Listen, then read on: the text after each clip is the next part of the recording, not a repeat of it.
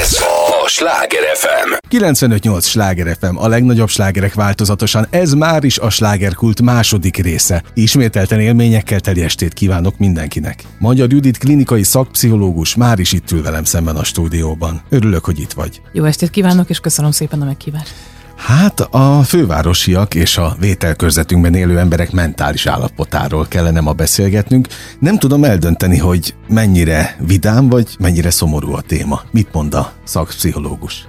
Hát szerintem lehet azt mondani mind a kettő, mert hogy a reményt soha nem szabad feladni, hogy a mentális állapotunk javulhat, ami bizony nem éppen a legjobb állapotban van. Ugye most mindenki jön a Covid-dal, de hát azért a Covid előtt sem álltunk olyan jól. Tehát békeidőben időben se volt azért minden rendben. Hát ez nem igazán, azt hiszem, hogy hát vannak azért úgy társadalmi jelenségek, amik nagyon nyomot hagynak a, a, az életünkön.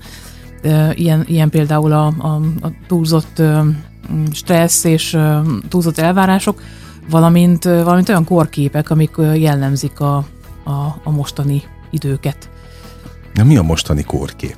A mostani kedvenc korképünk az, hát ugye mindenhol csöpög ez a narcizmus téma, és az a baj, hogy, hogy ez, ez igaz. Tehát, hogy ugye a ma a magárendeléseket abszolút a, a narcisztikus spektrum meghatározza.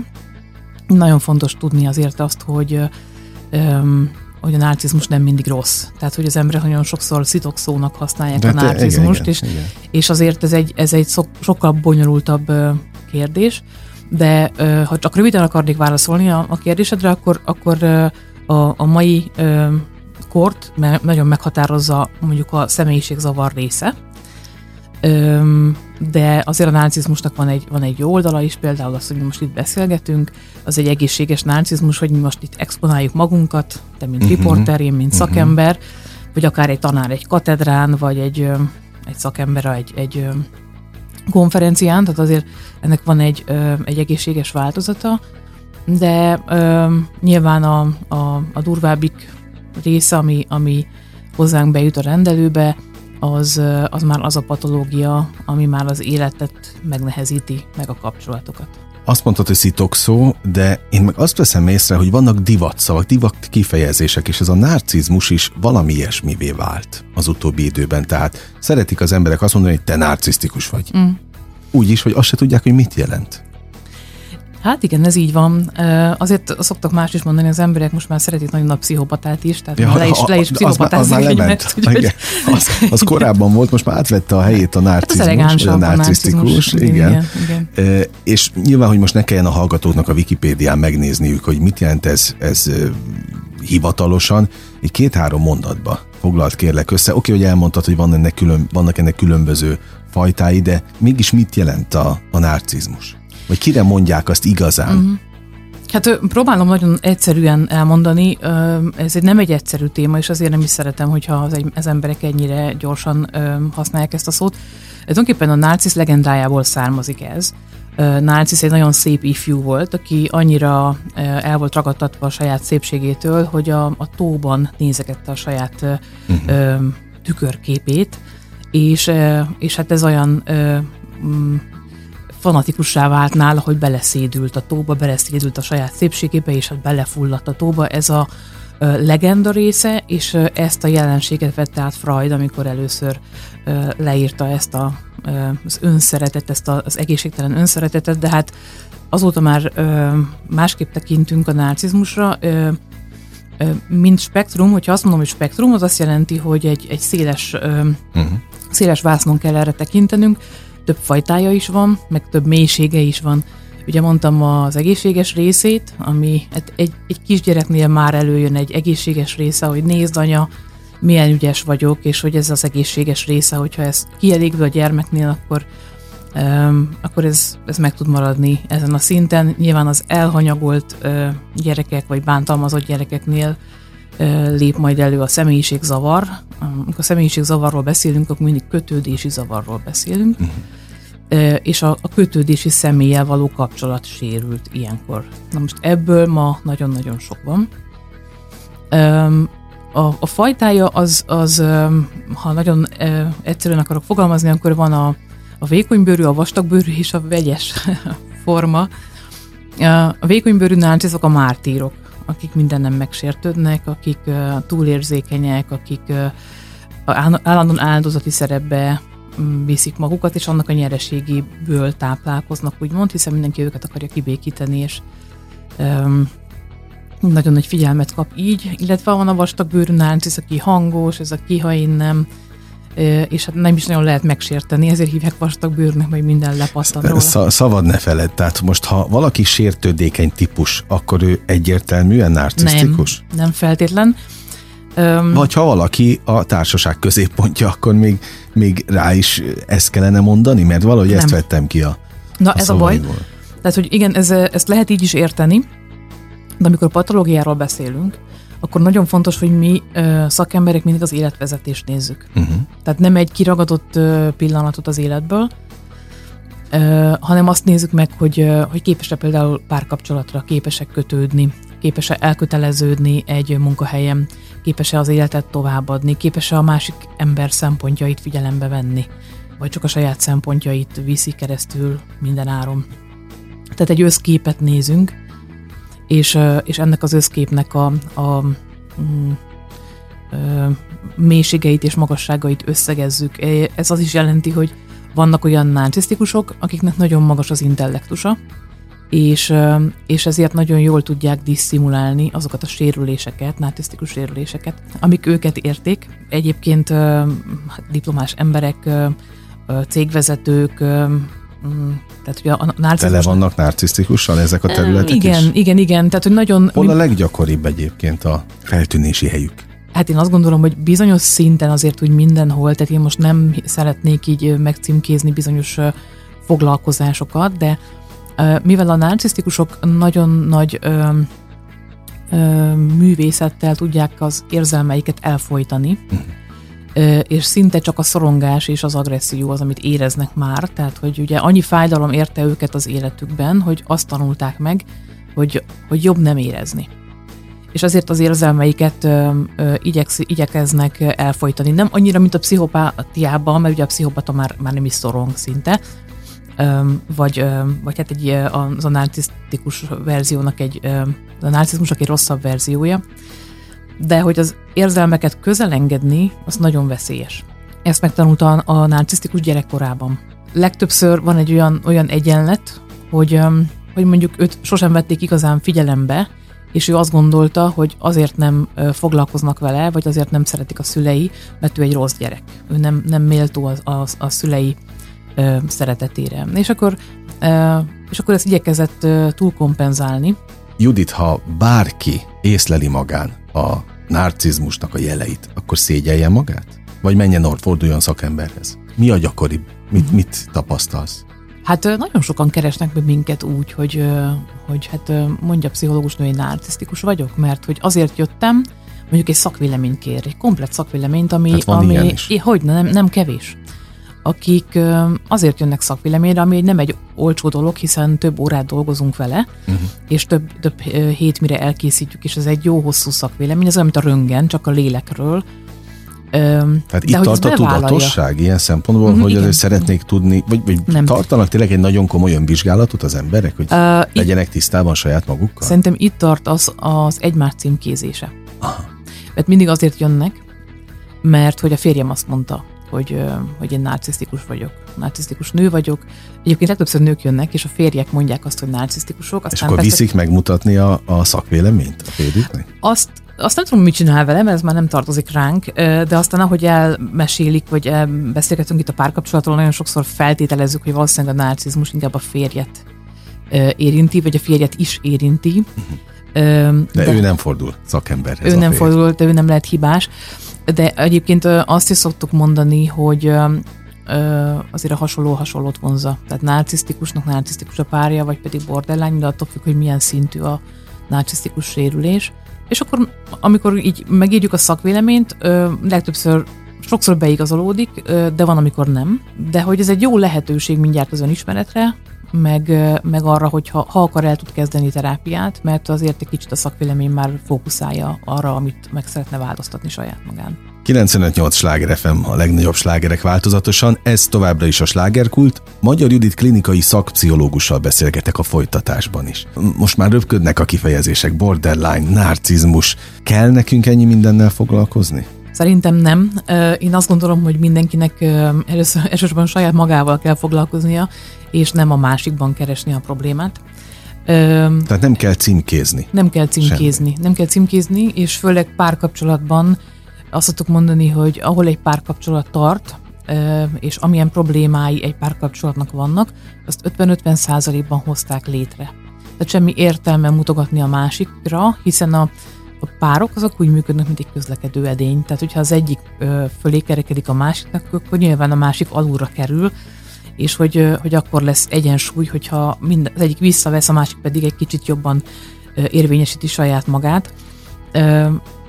És sajnos azt kell mondjam, hogy, hogy sokszor még a bántalmazó kapcsolatnál is ez van, mert hogy, hogy hát azért a bántalmazó kapcsolatba ki kell lépni. Tehát ha valakit bántalmaznak, mondjuk szerencsére ilyen van kevésbé nálunk a rendelőben. De mit jelent a bántalmazó? Fizikai bántalmazás, vagy annak számít a, a szóbeli bántalmazás is? Ö, akár, de, de sokkal gyakrabb ö, a, a narcizmusra jellemző, mondjuk, hogyha már személyiségzavarokról beszélgetünk, a, a, a narcisztikusokra jellemző ez a gázlángoltatás. Ez azt jelenti, ugye, hogy, hogy ez a valóságot ö, ö, úgy ö, hajlítgatja, ahogy, ahogy neki jó, és mindenféleképpen a, a másik lesz a hibás. Volt erről egy nagyszerű film is, ez a gázláng, aztán ez volt a címe, és hogy innen jön ez a kifejezés, hogy másikkal elhitet olyan dolgokat, ami, ami nem létezik, és, és addig csavarja a valóságot, míg a másik már teljesen elveszíti a valósághoz való viszonyát, tehát megkérdőjelezi a saját józan eszét. Mm. Azért ez már nagyon szélsőség, ezzel ritkán találkozunk, vagy olyan, olyan formában ritkán találkozunk, hogy a másik már elveszíti a józan eszét. Általában szerencsére hamar kapcsolnak azért hogyha nem is hamar, de egy idő után kapcsolnak az emberek, ugye a, a, a házastársak, és segítséget kérnek abban, hogy hogyan tudnak ebből kilépni, illetve gyógyulni. De egy narcisztikus ember képes a gyógyulásra? Tehát ez gyógyítható jelenség, betegség ez egyáltalán? A személyiségzavar szinte már igen, uh-huh. ez mhm. már betegségről beszélünk, benne is van a diagnosztikai kézikönyvben, és ami abban benne van, az betegség. Szerencsére, hogy ez mindig, mindig változik. De mi, mi a, a tapasztalat? Meggyógyulnak? Ö, azt tud meggyógyulni, aki meg akar gyógyulni. Ja, ennyi. Ennyi. Tehát kell egy motiváció. Tehát aki, akit mondjuk a felesége küldött, hogy a férjem annyira narcisztikus, hogy nem lehet vele együtt élni, akkor azt szoktuk mondani, hogy annak semmi értelme, mert a küldött beteg az nem, nem fog gyógyulni. Tehát ha nincs motiváció, akkor, akkor nem fog történni semmi. Nagyon-nagyon komoly, mély témákról beszélgetünk, és azt gondolom, hogy erről beszélni kell. Tehát azért örülök, hogy itt vagy. Az, hogy az emberek szakemberhez fordulnak, az már nem kérdés manapság? Tehát Én mernek? Azt látom, igen, azt látom, hogy abszolút nem kérdés. Öm, rengeteg a bejelentkező páciensünk, öm, sokszor várólistákkal dolgozunk. Tehát ilyen szinten? Ilyen szinten. Lettek tudatosabbak igen, az igen. emberek? Igen, igen. Ha ez tudatosság egyáltalán? Öm, egyrészt tudatosabbak, másrészt pedig azt, azt látjuk, hogy annyira szoronganak, hogy a szorongás miatt keresnek fel. Uh-huh. Öm, attól akarnak szabadulni, vagy szeretnének van, megszabadulni. Így van. Illetve ami, ami nekem nagyon-nagyon szimpatikus, és nagyon örülök, az, hogy szeretnék a dolgokat megérteni. Tehát nem, nem benne maradni egy, egy, egy helyzetben, vagy címkézni, hogy ez, ez szörnyű, és csak panaszkodni, hanem, hanem egyre nagyobb a megértési vágy, hogy de hát miért történik ez velem, vagy miért csinálom én ezt. Tehát egy nagyobb kontextusba szeretnék helyezni, hogy oké, okay, van ez a ö, pánikzavar, de miért van nekem ez? Régebben inkább az volt, hogy jaj, most van egy pánikrohamom, adjanak gyógyszert és viszontlátásra, és nyilván tudjuk, hogy a gyógyszer az sosem megoldás, hiszen a gyógyszerek csak, a, csak enyhítik a tünetet, de meg nem fogják szüntetni. Ö, ma már szerencsére azt látom az embereknél, hogy szeretnék megérteni, hogy miért van ez, ezt kontextusba helyezni, és egyszerűen sokkal kezelhetőbb lesz az egész, és a, a gyökerét megkeresni a dolgoknak. De mindig az a legfontosabb. Így van. Ugye, hogy a gyökerét kihúzzuk, mint egy rossz fogat? Megértsük, tehát én azt gondolom, hogy semmit nem kell eltüntetni, mert ugye az élet nem tökéletes, és hogy ha azt éljük meg, hogy pánikrohamaink vannak, azért a pánikroham mögött legtöbbször szeparációs szorongás áll. Olyan szeparációs szorongás, amit gyermekkorunkban szenvedtünk el, mondjuk az anyukánk nem jött értünk sokáig hogy ott a nagymamánál, vagy rettenetesen szorongtunk is gyerekként a kiságyba, és sírtunk, és nem jött senki. Vagy szóval ilyen kicsit ilyen banális képeknek tűnnek ezek, de a magára hagyott gyerek az egy szorongó felnőtt lesz. Uh-huh. És a, a, a pánik az mindig visszafejthető, mint egy ilyen gombolyag, hogy amikor jön a roham, akkor valami fontos személlyel ott van a, pá, ott van a szeparáció veszélye hogy mondjuk, ha összeveszek a férjemmel, akkor el fog menni. Lehet, hogy éppen nem akar elmenni, de az én feltételezésemben az van, hogy el fog hagyni, és akkor már is jön a pánikroham. Vagy az anyám állandóan hívog a telefonon, és elvárásai vannak, és én ezen kiborlok, de én kapok pánikrohamot, mert lehet, hogy az anyukám engem el fog hagyni, és visszamegyek gyerekbe, ugye ez egy regresszív állapot. És mindenre az állapotra még most a Covid rátett egy lapáttal, vagy kettővel, vagy hárommal. Hát a Covid az nagyon sok lapáttal rátett, hiszen ö, teljesen ö, normális dolog, hogy amikor emberek halnak meg, akkor a saját halálunk is ö, feltételeződik, hogy ez velünk is megtörténhet. Ö, a régi ö, biztosnak hitt ö, dolgok, azok teljesen bizonytalanok, és Hát ugye ez a vírus ugye mutálódik is, nem is tudjuk, hogy akkor most ez az oltás mit okoz nekünk, mit nem okoz nekünk, tehát hogy rengeteg minden van a médiában, és mindennek az ellenkezője is ott van a médiában, tehát ez a bizonytalanság, amit ez a Covid hozott, az, az a régi tüneteket, olyan tüneteket, amik a békeidőben csendben voltak, vagy, vagy kompenzált állapotban voltak, azt így a Covid téma Felerősíti és visszahozza, igen. Mi van azokkal, akik eh, sorban állnak, vagy egyáltalán el sem mennek, hanem otthon vannak a Covid miatt, ki sem jönnek a lakásból? Nekik van-e megoldás arra, hogy, hogy kapjanak valamiféle önképet, valamiféle kapaszkodót, segítséget? Hát nagyon sokféleképpen próbálunk eljutni az emberekhez.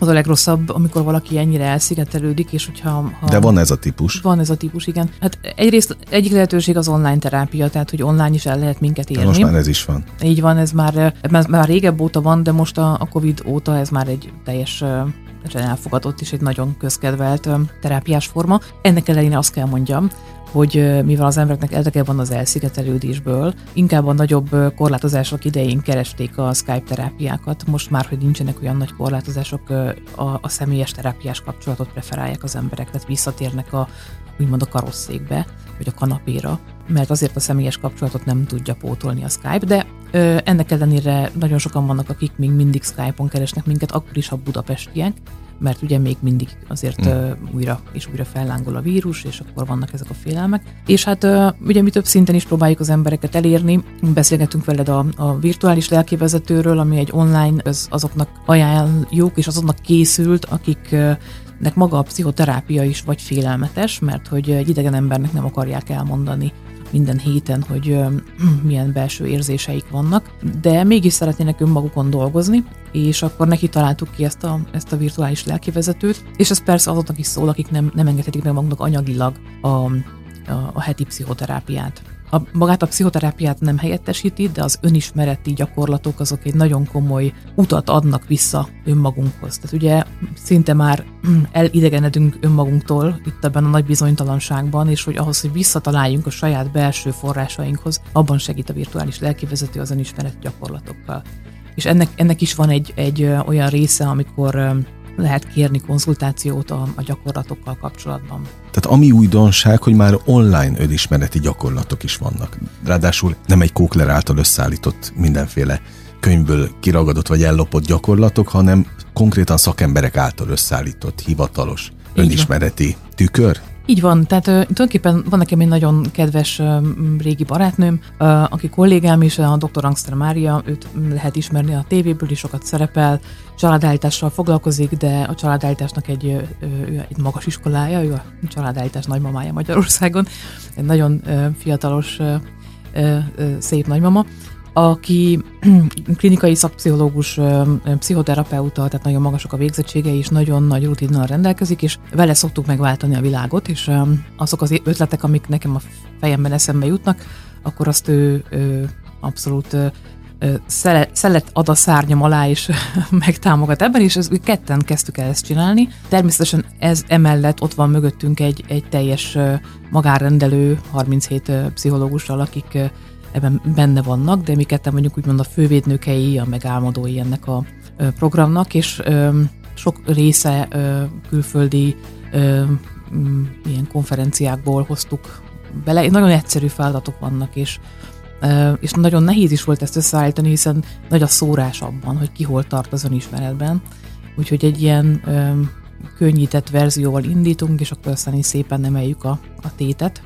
De ismétlem, ez azért a klasszikus ö, professzionális pszichoterápiát nem tudja helyettesíteni. Ezek önismereti gyakorlatok, aminek az a célja, hogy, hogy önmagunkhoz egy jó használati utasítást tudjunk kapni. Meg, hogy tisztában legyünk önmagunkkal van, egyáltalán. A legtöbb kliensetek gondolom Budapestről. Ö, természetesen. Érkezik. Igen, a legtöbb, legtöbb kliensünk itt, itt élnek. Így van, így van.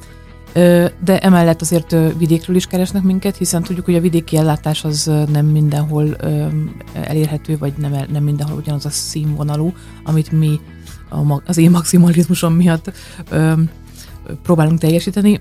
Nagyon büszke vagyok arra egyébként, hogy a rendelő, a rendelőnk az akreditált szakképzőhely is lett, és, és ezért nagyon magas színvonalon tudunk működni. Nagy a probléma a fővárosban? Ö, én azt gondolom, hogy a fővárosban a leghajszoltabbak az emberek. Tehát, hogy én amikor elmegyek vidékre, akkor, akkor az emberek sokkal ö, nyugodtabbak, sokkal erősebbek az emberi kapcsolatok, hiszen nincs ez a hajszoltság, és az emberi kapcsolatok azok mindig egy védőhálót képeznek a világból jövő nehézségekkel szemben, mert... Azt már meg sem merem kérdezni, hogy a legtöbb narcisztikus ember is itt van. Hát ez, igen, valószínűleg a népsűrűség miatt is nagy a valószínűsége, hogy igen.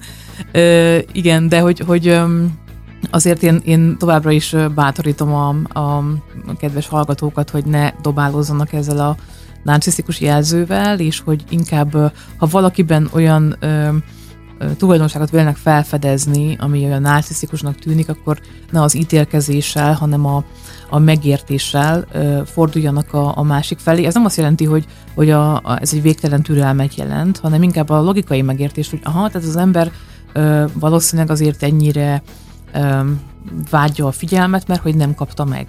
És akkor, ha ezen elkezdtünk gondolkodni, akkor az nem azt jelenti, hogy nekünk ezt be kell teljesíteni. Ez nagyon fontos, hogy mi ne akarjunk senkit megmenteni, mert senki nem tud senkit megmenteni. Tehát még a pszichológus sem tud senkit megmenteni, sőt, még egy anya sem tudja megmenteni a gyermekét sajnos, tehát mindenkinek önmagát kell megmenteni. Ez egyszerűen csak arra jó, hogy, hogy tudatosabban nézzünk az emberekre, az embertársainkra, és, és hogy ne ítélkezzünk, hanem hagyjuk őt úgy, ahogy van, neki megvan a saját élettörténete, azért viselkedik úgy, mert hogy ez abból fakad, és nekünk ehhez nincs közünk, vagy nem kell megváltani őt. Azt gondolom, hogy nagyon fontos, nagyon mély és nagyon hasznos dolgokról beszélgettünk, mert ezzel is kapaszkodót adunk azoknak az embereknek, akik még keresik önmagukat. Köszönöm szépen a megtisztelő figyelmet és a meghívást. Örülök, hogy itt voltál. 95.8 Sláger FM, a legnagyobb slágerek változatosan. Ennyi volt már a slágerkult, kedves hallgatóink. Köszönöm a megtisztelő és kitüntető figyelmet, az idejüket külön. Az a legfontosabb mindenkinek a saját ideje. Az elmúlt mintegy egy órában Sándor Andrást hallották, azzal a két alkotó emberrel, akik kizárólag a vételkörzetünkben élő emberek szolgálatában teszik a dolgukat. További sok-sok élményt kívánok önöknek, és ne felejtjék, mára ugyan a slágerkult bezárja kapuit, de holnap ugyanebben az időpontban újra kinyitjuk. Várok mindenkit, addig is vigyázzanak magukra. Ez a Sláger FM.